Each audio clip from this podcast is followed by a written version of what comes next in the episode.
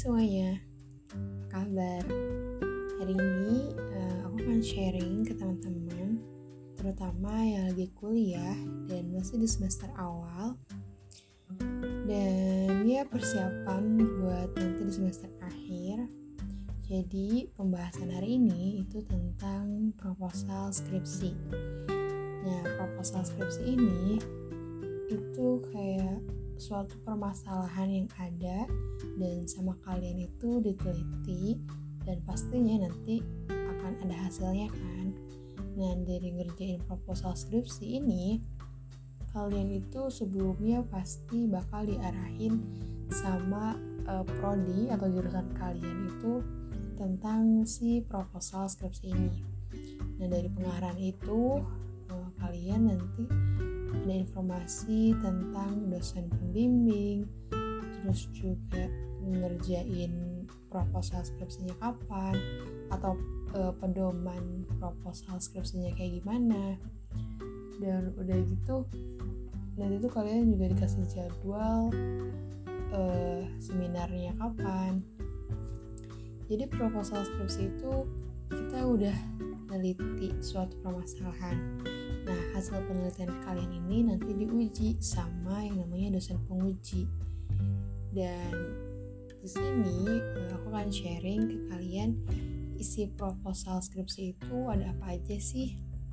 Tapi sebelumnya uh, sebelum ngerjain proposal skripsi ini ini tuh kayak persiapan kita buat ngerjain si skripsi.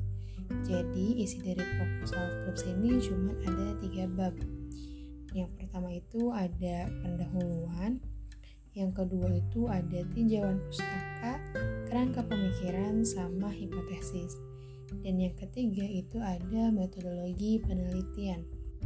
Di mana di bab satu itu uh, bab satu pendahuluan itu isinya itu ada latar belakang penelitian, identifikasi masalah, batasan masalah, rumusan masalah, terus tujuan penelitian kalian itu apa, terus juga ada manfaat penelitiannya.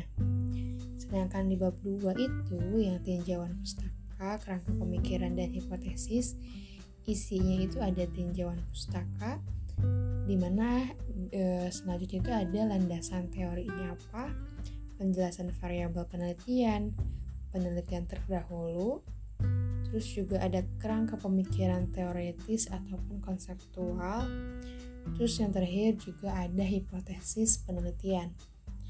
Kalau yang di bab 3 itu metodologi penelitian itu ngebahas yang namanya jenis, objek, dan subjek penelitian, terus ada metodologi e, metode penelitiannya gimana metode penelitian itu ada operasionalisasi variabel unit analisis populasi terus juga ada teknik penarikan sampel jenis sumber terus metode pengumpulan datanya kayak gimana itu juga e, metode pengujian datanya kayak gimana metode analisis data terus juga pengujian hipotesisnya.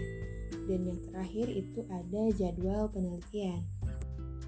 Tapi setelah kalian ngerjain si proposal skripsi ini, ada tahapan di mana kalian harus nentuin dulu yang namanya judul penelitian kalian.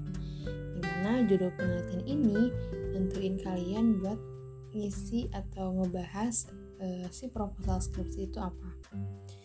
Ya mungkin nanti di podcast selanjutnya uh, aku akan bahas per bab yang ya lebih spesifik dan semoga membantu. Sekian podcast hari ini terima kasih. Semoga bermanfaat ya. thank you